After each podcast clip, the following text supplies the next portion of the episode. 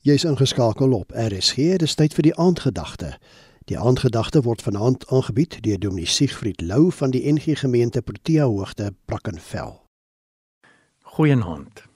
So naby aan Kersfees gesels ons hierdie week elke aand kortliks oor ons sintuie, saam met ons viering van die geboorte van Jesus. Vanaand praat ons oor ons ore en die klanke van Kersfees.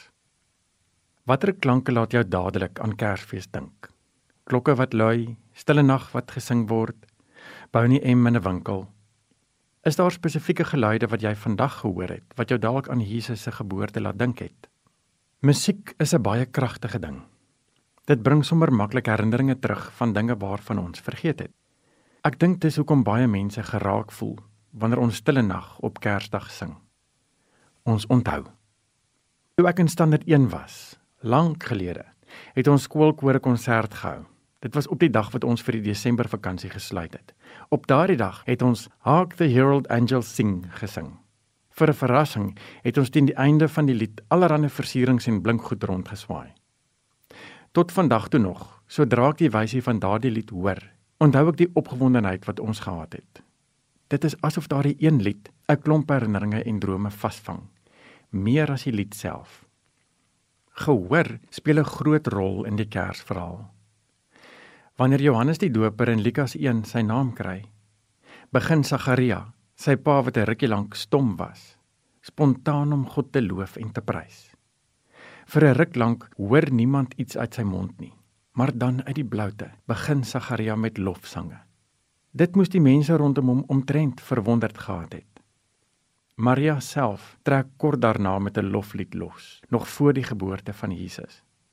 Ek wonder hoe sou die klanke van Sagaria en Maria se liedere die mense rondom hulle verstom het. Maar daar is nog 'n oomblik in die Kersgebeure wat my verbeelding oor ons gehoor aangryp.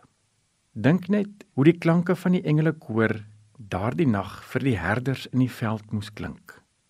Om 'n skaapwagter te wees, was nie juist die gewildste werk in Jesus se dae nie.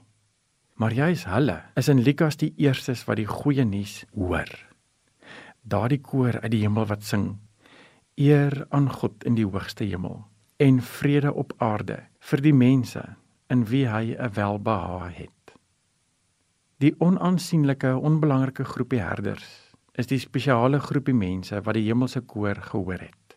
En die inhoud daarvan was: God is bly oor julle. Dit is wat welbehae beteken. Mag jy op hierdie oomblik weet dat God bly is oor jou. En wanneer jou ore 'n kerslied hoor, in die winkel of by die kerk, onthou dat Jesus ook vir jou gebore is. Mag kersliedere of klokkies of mense wat stille nag sing jou herinneringe oor Jesus se geboorte voed en mag dit jou drome vir die lewe vorentoe aanvul omdat jy kan hoor dat God ook oor jou bly is. Dit was dan die aandgedagte hier op RSG, aangebied deur Dominee Siegfried Lou van die NG Gemeente Protea Hoogte, Brackenfell.